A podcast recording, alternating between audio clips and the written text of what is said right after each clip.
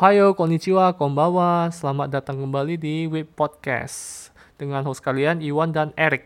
Halo Erik. Hai, domo minasan. Eh Erik, Happy New Year Erik. Ya, Happy New Year juga kepada Iwan dan pendengar semua. Eh, nggak terasa udah 2022 nih. Iya, gila tahun ini cepet banget kerasanya. Iya, nggak berasa ya udah 2021 berlalu dengan cepat udah dua tahun kita apa hidup di tengah-tengah pandemi. Iya itu udah berapa season anime itu lewat sejak spring spring 2020. Iya. Rick, udah dengar belum kabar kalau itu eh sas mungkin salah satu seiyu favorit orang dan salah satu pasangan seiyu yang cukup ternama uh, Maya Sakamoto sama Kenichi Suzumura itu announce kalau mereka akhirnya expect anak pertama dari pernikahan mereka. Oh, mereka udah nikah kalau nggak salah 10 tahun yang lalu ya, 2011. Benar. Wah, dia aku- apa? Dari 2011 eh ya 10 tahun akhirnya mereka memutuskan untuk punya anak. Ya good news banget lah. Emang Iya. itu kan da- kayak salah satu dari pasangan seiyu yang awal-awal pas kita ngikutin anime banget kan me- memang mereka kayak first couple-nya yang kita tahu gitu. Iya dan bener-bener juga eh luar biasa sih. Jadi mereka itu ya apa waktu mereka nikah kan mereka lagi bener-bener di peak karir mereka kan dan itu juga eh Maya Sakomoto itu juga bukan hanya sekedar seiyu tapi dia juga penyanyi dan dan dia menurut gue berani banget mengambil keputusan oke gue mau nikah dengan seiyu sesama apa gue mau nikah dengan sesama seiyu nah, nah, untungnya pasangannya juga sa- memang waktu itu juga salah satu seiyu cowok ternama gitu loh Iya, waktu 2011. Kalau nggak salah, pas gua juga dengar dia waktu itu kan kita dia ada di Gintama, ada juga di Deno gitu kan. Memang suara dia kedengaran terus lah. Iya terus ada di itu juga apa di Kuroko juga. Iya, mereka juga waktu itu main film bareng berkali-kali kan, kayak di Gun- Gundam Seed Destiny, terus di Karanyo Kokai. iya bener banyak lah mereka udah apa eh, list anime yang mereka peranin gitu. Bener-bener ya luar biasa lah. Kayak di season lalu aja Maya Sakamoto itu kan juga main di itu apa eh, beberapa itu beberapa judul kayak yang di Super Crooks sama di Ranking of Kings Oh iya, terus mereka juga bareng tahun ini sama tahun depan di itu FGO biasa. Di animenya kan apalagi tahun depan kan Solomon ya atau malah udah kali di Jepang. Iya. Tadi kan saya udah sempet nyinggung Ranking of Kings sama Super Crooks nih. Jadi karena kita juga di awal 2022 itu berarti menandakan kita season baru anim. Bener nggak, Rick? Iya, berarti season sebelum ini berarti fall 2021 udah kelar. Ya, kita mau masuk winter 2022. Nah, Rick, ada yang berkesan nggak di fall 2021? Untuk fall 2021 sih gue ada nonton beberapa anime ya. Ada juga yang lanjutan season lalu, ada yang season 2-nya. Cuman kalau yang paling berkesan itu hitungan dalam artian baru ditayangin anime season ini sih buat gue sih Miruko-chan. Oke, bentar. Sebelum ngomongin itu, sorry. Apa aja sih yang lu nonton? kita coba compare. Oh, kalau yang gue nonton ya, Hmm, kalau lanjutan sih ada Mushoku Tensei. oke. Terus ya kita anggap lanjutan tuh ada artian season 2 lah ya. Iya. Season 2 itu walaupun Mushoku Tensei kan split core, cuman Iya. hitungannya kan tetap lanjutan. Hmm, Ada Mushoku Tensei, ada juga yang lanjutan dari tahun musim lalu itu ada Jahi sama sama uh, Aqua Top of White Sands. oke. Terus kalau yang baru benar-benar tayang ya Komisan sama Miruko-chan itu udah. Oh, oke.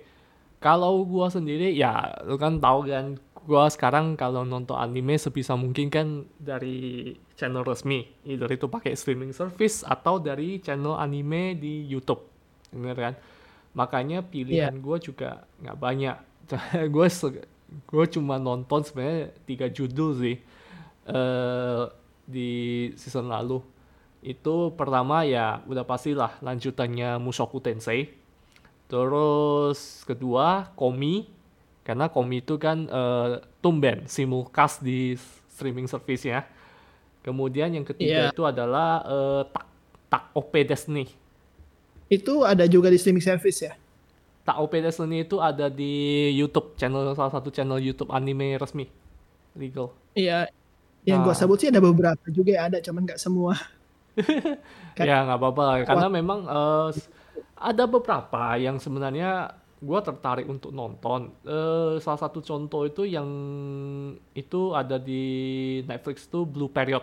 Cuma kayaknya itu gue mau nunggu tamat dulu, baru gue mau habisin. Oke? Okay? Ya kayak serius ya soalnya ya temanya. Ya, karena mungkin uh, ya karena apa atau mungkin nanti tunggulah mungkin ini kan udah habis 12 episode. Mungkin nanti dalam satu dua hari ke depan mungkin kalau ada waktu mungkin bisa binge watch sih itu nah eh uh, oke nah tadi lu sempat mention soal Mieruko-chan sebenarnya gue juga ada ngelihat uh, judul itu di channel YouTube di kalau nggak salah di Muse ya Mieruko-chan itu iya nah itu kan uh, yang gue tahu itu kan memang adaptasi dari manga tuh. Nah, apa yang membuat lu terkesan dari Miruko-chan? Iya, soalnya kan waktu itu pertama kali gua expose sama Miruko-chan itu kan dari salah satu Facebook post yang viral tentang scene dia yang jadi Miruko-chan ini kan mendadak di kayak mendadak bisa lihat banyak hantu-hantu gitu kan di sekitarnya banyak banget. Cuman yang bikin gue tertarik tuh karena awal-awal ada scene viral yang ceritain tentang hantu kucing okay. yang tentang jadi dia ketemu satu kucing liar hmm. terus ada satu orang mukanya baik itu kayak mau adopsi tapi karena dia bisa melihat setan itu kan cowok yang mukanya baik itu ternyata banyak kayak hantu-hantu kucing yang gentayangin dia gitu. Sedangkan oh. di sebelah kan ada orang yang mukanya yakuza face. Hmm. Cuman cuman kayak di sekitarnya tuh kayak ada hantu hantu baik gitu lah, hantu kucing baik gitu kan.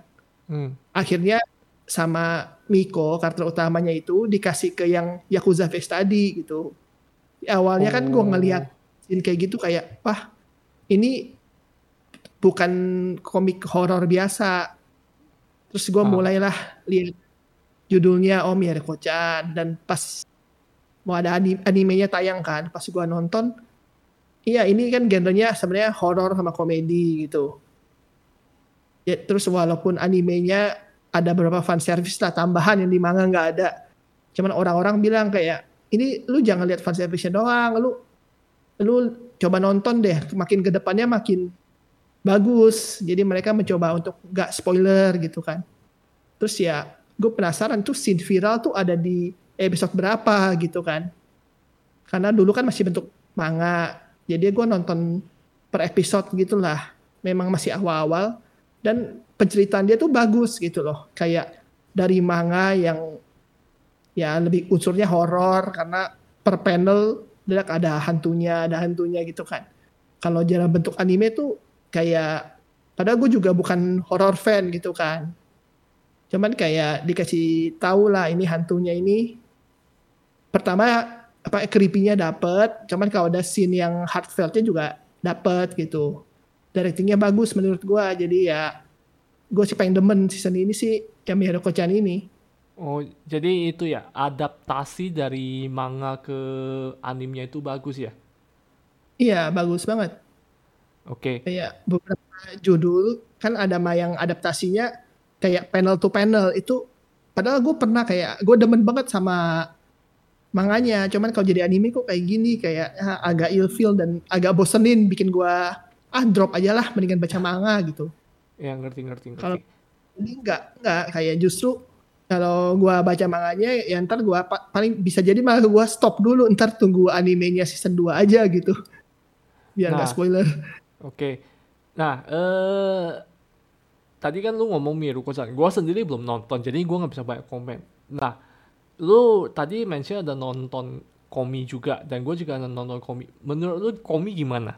Secara adaptasi dari manga ke animenya?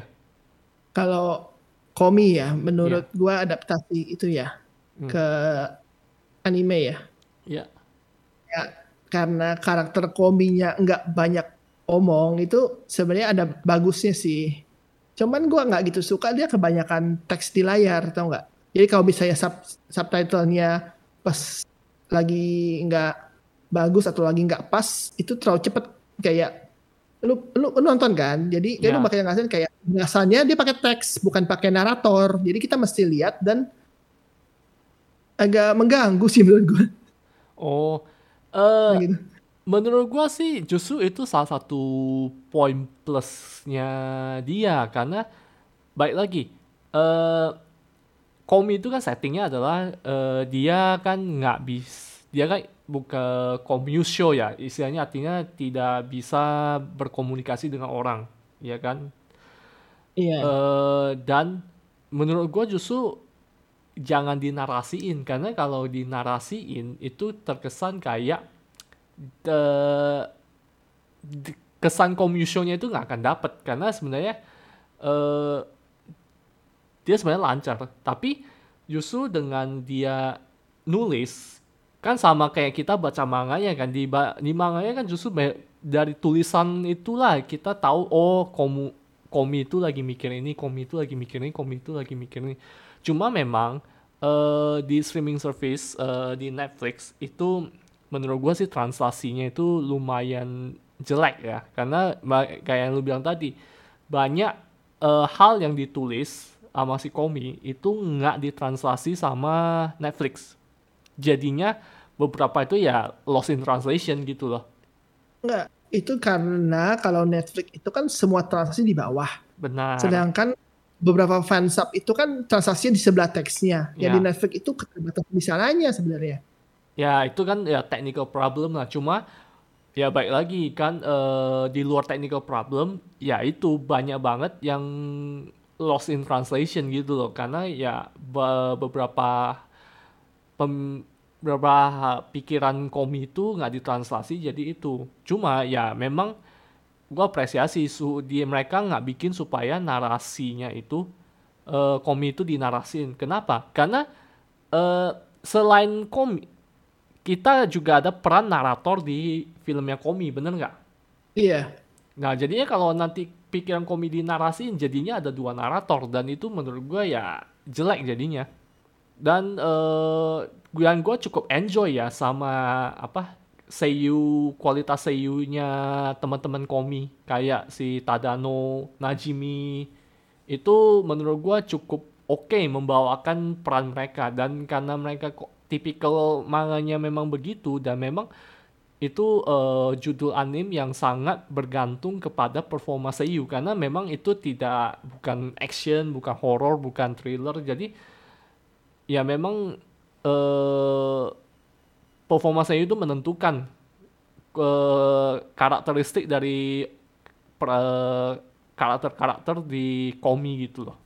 Ya karena itu tuh kan memang conversation based banget kan. Jadi Benar. percakapan antar karakternya gitu. Benar-benar.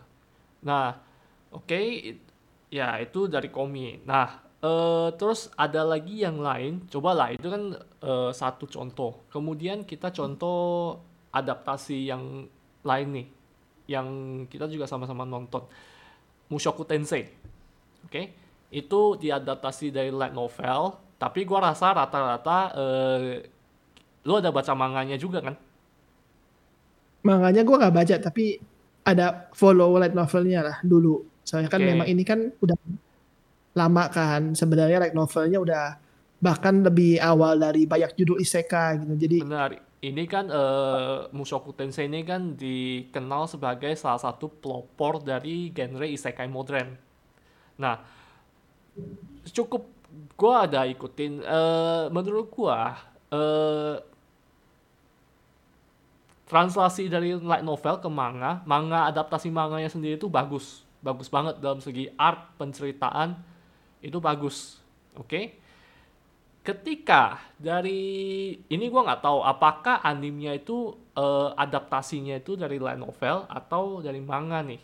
Sepertinya dia dari, dari, light novel karena ada beberapa adegan bukan beberapa sih banyak adegan di manga itu kadang eh, visualisasinya nggak sesuai dengan di anime.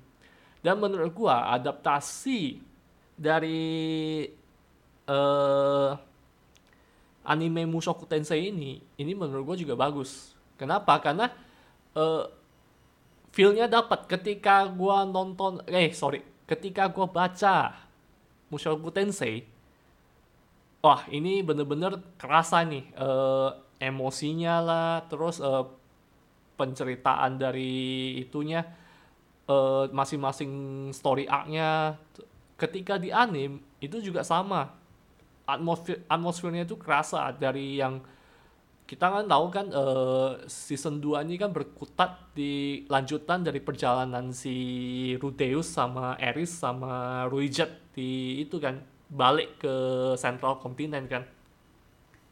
Iya. Nah, itu Habis ket- dicek.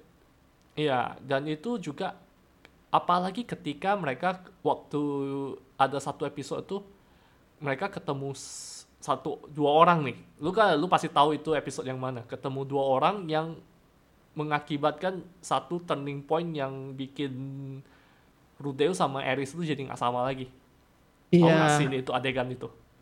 Kalau gue cuman adegan yang sebelumnya yang mereka ketemu ya tanpa spoiler tuh orang yang penting di hidup mereka lagi. Jadi itu emosinya dapat banget. Oh ya benar itu juga eh itu juga berasa sih. Nah cuma eh menurut gue yang berkesan tuh kenapa ya bu karena selama ini menurut gue setelah mereka diteleport ke Demon Continent atau ke benua lain mereka belum menemu mereka belum mendapatkan ya, agak sedikit itu sih jadi eh mereka belum merasakan kekalahan yang telak di kayak yang sebelum ketemu si dua orang itu. Nah, ketika ketemu dua orang itu, mereka tuh baru merasa nyadar bahwa wah mereka itu masih cupu banget lah gitu loh. Iya memang kalau memang kita bilang kan ini isekai awal. Jadi Hmm. Mushoku Tensei itu banyak trope gitu kayak banyak hal yang akhirnya isekai-isekai modern juga adaptasi. Jadi ya kayak pertamanya ya lu bilang jarang kalah sama ada sosok god-nya itu kan juga memang di anime lain juga banyak gitu kan. Jadi jadi karena ini adaptasi agak belakangan Hmm. kalau ada sesuatu yang baru itu memang gue sih amazing banget sih padahal kan ini kan kayak harusnya kan ini kan udah lama di ditulisnya gitu cuman untuk sekarang aja masih fresh kayak scene yang lu ngomong itu sih Iya, dan sas eh, dan gua amaze-nya bahwa di Mushoku Tensei itu itu perjalanan mereka nggak instan gitu loh. Jadi bukan kayak eh, isekai-isekai sekarang kayak gampang banget melakukan perjalanan dari satu tempat ke tempat lain satu dua episode nyampe satu dua episode nyampe kayak ini lu beneran tahu si Rudy itu pertama kali di ke teleport ke benua lain tuh kalau nggak salah umur 10 ya kalau nggak salah dia iya. Umur 10 Eris itu umur 12 dan ketika mereka balik lagi ke benua asalnya itu udah tiga tahun berlalu. Iya dan Rudy itu memakan umur 13 waktu Eris itu umur episode. 15 dan itu berasa di ketika mereka gambar dari yang Rudeus kecil sampai yang mulai masuk ke awal remaja. Itu kelihatan banget perubahannya gitu loh. Itu yang menurut hampir nggak pernah gue dapetin di genre isekai yang lain gitu loh ada progresi usia biasa sih usianya cuma episode satu doang dari kecil sampai gede gitu ya Iya, setelah itu udah either langsung time skip ke remaja atau time skip ke dewasa gitu. Nah ini sekarang itu ada progresinya dan itu beneran dijelasin. Oh dan kerasa tiga tahun tiga tahun tuh waktu yang lama uh, dari yang awal si Ru jadinya tiga tahun tuh juga cukup untuk membangun karakternya dia gitu loh. Karakter si Rudy kalau si Eris itu. Dari Eris yang awalnya diplot sebagai kayak eh ya biasalah typical trope kan apa eh putri sundere gitu yang apa sampai akhirnya Violent. iya sampai uh, spoil spoil gitu. Sampai akhirnya dia belajar sendiri independen sampai udah jadi akhirnya sampai poin dia di akhir season 1 ini gitu loh. Iya, yang kayak lu bilang biasanya cuma satu dua episode. Ini untuk tiga tahun aja tuh kasarnya hampir season berakhir baru pindah tempat gitu ya. Iya, itu makanya Baru nyampe ya ya gitu. bagus lah. Kalau ditanya eh Fall 2021, gue paling demen apa? Yang Mushoku Tensei ini. Ber- Berarti kalau waktu part 1 juga lu udah demen kan? Part 1 demen karena eh ya memang eh biasanya kan kalau gue udah baca manga dan gue juga amazed biasa nonton animenya itu gue biasa aja oh ya udah karena memang gue udah tahu eh apa materialnya itu base materialnya udah bagus ini kalau lu tinggal adaptasi apa adanya ya ok, itu udah pasti bagus cuma Mushoku Tensei ini kayak dia nggak adaptasi apa adanya bener-bener udah eh, pelan-pelan dia ceritain gitu kenapa ini bisa begini kenapa ini bisa begini gitu. Dan kayak gue bilang tadi karena kan gue baca manganya tuh. Jadi ya pasti gue bisa compare dong oh scene di manganya begini scene di animenya kayak gimana. Dan itu bener-bener eh, beda gitu loh mulai dari koreografi apa koreografi battle-nya segala macam itu beda. Padahal kan kalau mereka kan kalau ibaratnya kau males, udah copy aja apa yang ada di manganya kan bener kan? Iya. Kalau ini enggak. Kayak contoh paling itu sampai ada itu eh ada kali yang episode yang 5 menit atau 10 menit itu cuma si Ruteus tuh ngejelasin soal figur Roxy yang dia bikin. Iya. Ya, padahal itu kan sebenarnya nggak nggak gitu signifikan terhadap cerita, tapi ya itu mereka pelan-pelan animasiin sampai dikasih lihat, oh figurnya itu kayak gini, di renderin gitu. Wah itu mah menurut gua mah bagus banget. Hal-hal kecil yang trivia kayak gitu mereka sampai niat bikinnya gitu. Iya, apalagi kalau soal karakter Rudeus itu sendiri yang gua demen kan dia ada dua suara hitungannya. Suara isekai sama suara real life dia kan. Benar. Switch Ya, antara dua suara itu sih gue demen banget kayak kondisi ini yang ngomong Rudeus yang real life.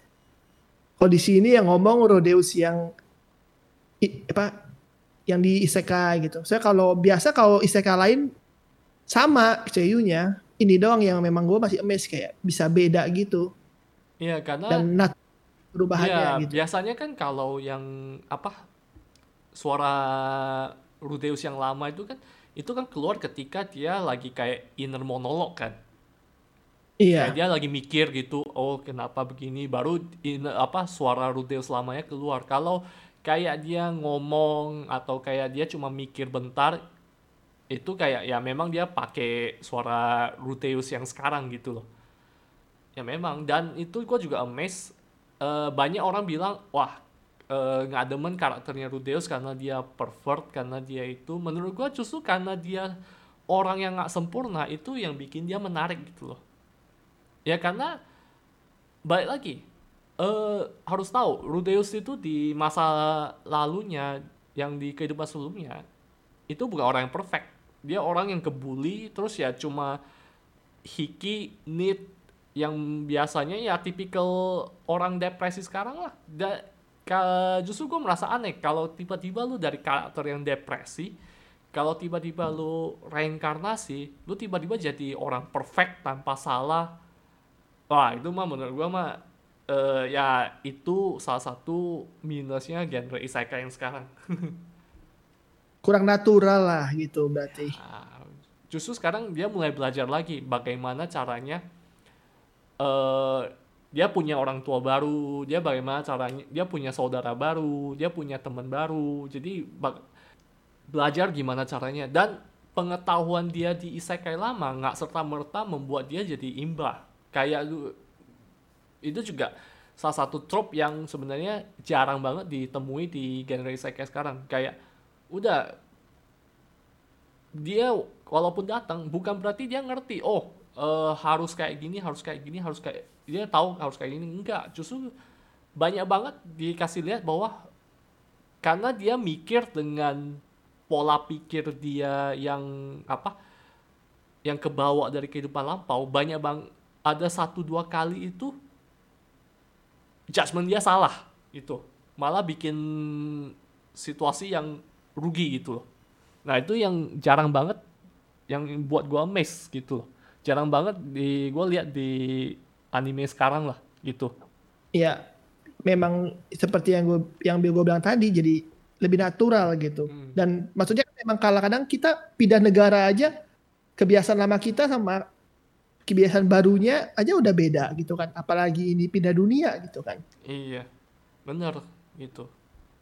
Makanya eh, itulah kena kenapa gua sangat amazed. Ya bisa dibilang ini ya untuk season lalu gua paling demen Mushoku Tensei lah.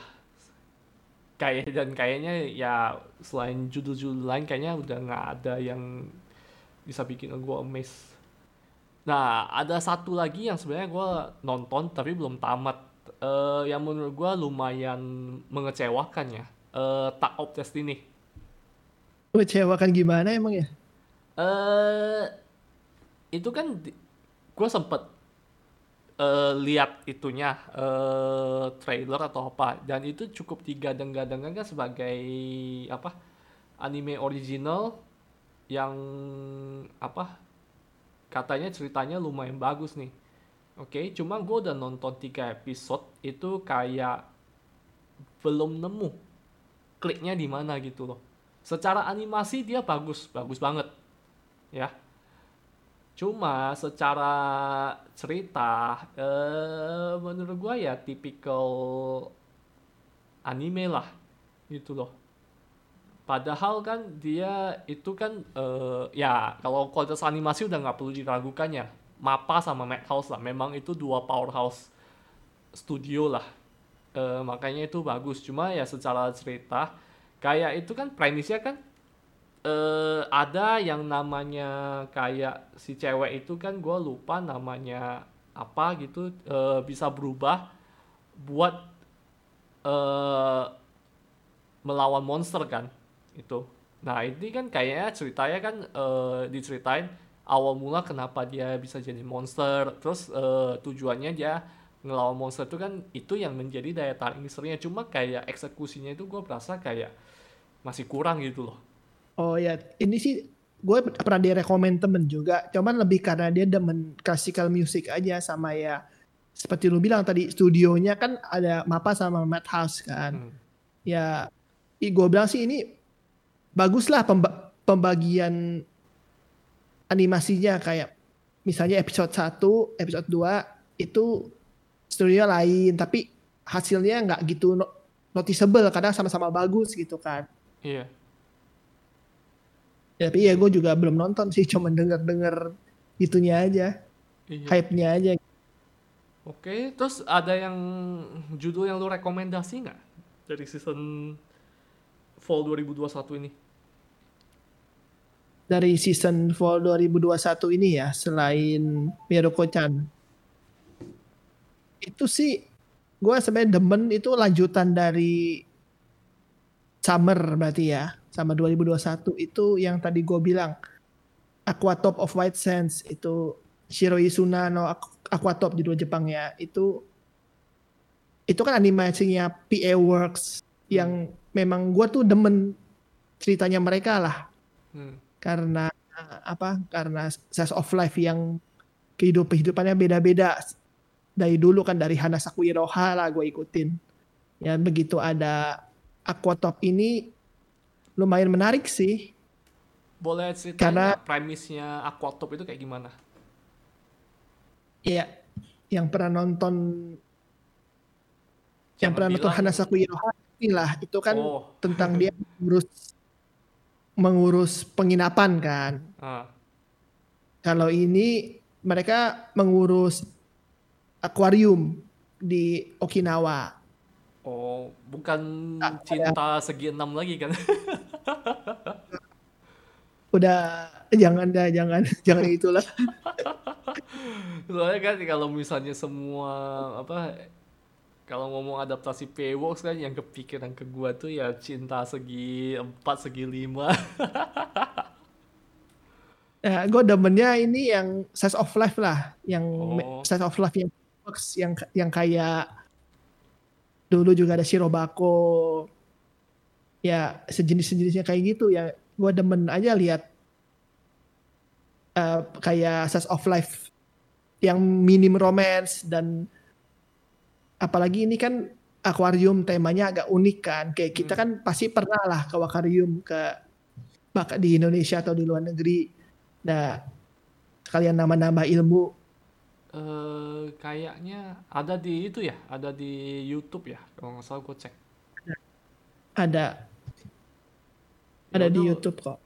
Boleh lah. Eh nanti itu berarti nambah lagi list gua Blue Period sama Aquatop. Iya, dia dia 20 24 episode kalau nggak salah. Oke. Gu- Gua belum gua hampir nggak eh malah nggak ada loh yang di timeline gue yang rekomendasi Aquatop loh. Agak underrated sih. Eh, Cuman ya kalau karena gue demen Slice of Life-nya PA Works makanya gue coba. Oh, boleh deh. Nah, selain Aquatop apa lagi ya tadi yang lu nonton ya? Oh, oh, oh. ya Jahi sama itu ya komedi lah. Ya iya standar itu ya, standar komedi biasa ya. Ya. Gue cuma baca manganya doang sih. Standar. Ya memang agak standar jadi ya nggak nggak direkomend banget. Cuman gua kayak nonton aja hiburan kan namanya komedi. Sama yang paling Yuki Yuna ada season sebelum season terakhir berarti season 3. Aduh, Yuki Yuna gue udah nggak tahu ceritanya itu mau dibawa ke mana. Iya sih sebenarnya harusnya sih cuman yang season 1 sama prequel aja sih sebenarnya sih. Season 2 season 3 udah agak panjang. Iya kayak apa? Menurut gue Yuki Yuna itu kayak formulanya sebenarnya sama, cuma kayak udah eh, dikemas dalam hal yang berbeda aja tiap season gitu. Iya. Ya anggapan lanjutannya lah. Lanjutannya juga ya makanya gue bilang nggak nggak perlu sebenarnya. Gitu. Ya udah. eh, Paling- ya kenapa?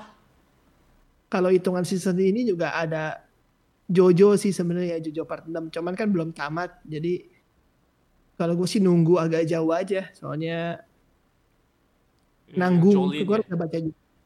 Iya. Ya nunggu itu nunggu tamat aja lah baru sekalian di binge biar enak kalau kalau nggak ntar penasaran. Soalnya pasti jauh nih lanjutannya orang bisa bisa setahun satu season setahun satu season. Iya. Ya udah kalau gitu eh udah hampir wah udah 30 menit lebih kita ngomongin fall. Kayaknya kita udahin dulu Derek. Iya. Kita harap untuk winter juga lebih bagus lah. Iya, seperti Biar biasa kita gua cuma nunggu kalau ada itu ada di streaming service. Biar biar kita setiap akhir season bisa ngomong juga gitu. Kayak gini.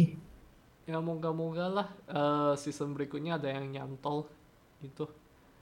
Oke deh kalau gitu eh, thank you udah mendengarkan episode kali ini. Semoga eh, pembicaraan ini dap- bisa menginspirasi kalian untuk mencoba uh, menonton judul-judul yang itulah yang tadi kita obrolin. Ya walaupun ya kita tahu lah pasti uh, Mushoku Tensei Komi itu termasuk salah satu yang high highly rated lah. Karena itu sebelum jadi anime itu manga aja terkenal dari light novel manga terkenal. Tapi mungkin ya Aquatop itu gue penasaran sih. Nanti mungkin boleh coba lah. Mungkin dari listener juga bisa coba untuk nonton Aquatop oke itu aja. Uh, sampai ketemu lagi di episode selanjutnya. Jane Matane bye bye Thank you